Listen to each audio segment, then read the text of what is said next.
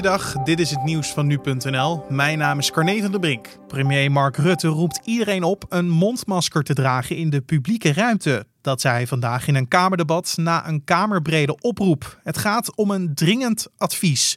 De exacte details waar het wel en waar het niet zal gelden, wordt nog uitgewerkt. En de premier voelt niets voor een wettelijke verplichting. De Tweede Kamer vroeg eerder in het debat om een einde te maken aan de onduidelijkheid rond het dragen van mondkapjes in publieke ruimtes. Het advies om mondkapjes te dragen in winkels, alleen in de grote steden, zou tot te veel verwarring leiden. Dat vindt een meerderheid van de Kamer.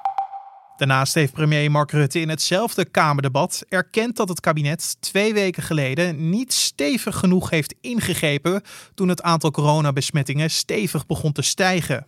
Het pakket aan maatregelen had steviger gemoeten, al dus de minister-president in het Kamerdebat over de corona-aanpak. Met de kennis van nu ziet Rutte dat de maatregelen voor de zorgelijke regio's niet stevig genoeg zijn geweest. Met het eerder sluiten van de horeca en het beperken van groepsgrootte in feestzalen hoopte het kabinet de curve te buigen.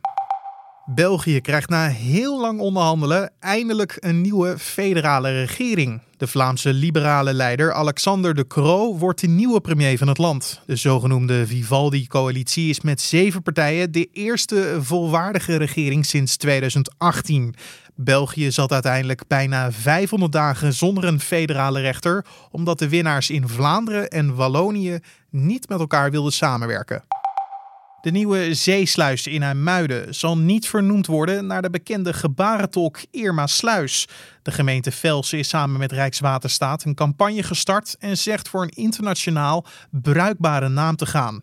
De naam van de gebarentolk kan ook niet worden gekozen, omdat om de sluis naar iemand te kunnen vernoemen, moet die persoon minimaal 10 jaar overleden zijn, tenzij het om een lid van het Koningshuis gaat. Eind dit jaar weten we hoe de grootste zeesluis ter wereld wel gaat heten. En tot zover de nieuwsupdate van nu.nl.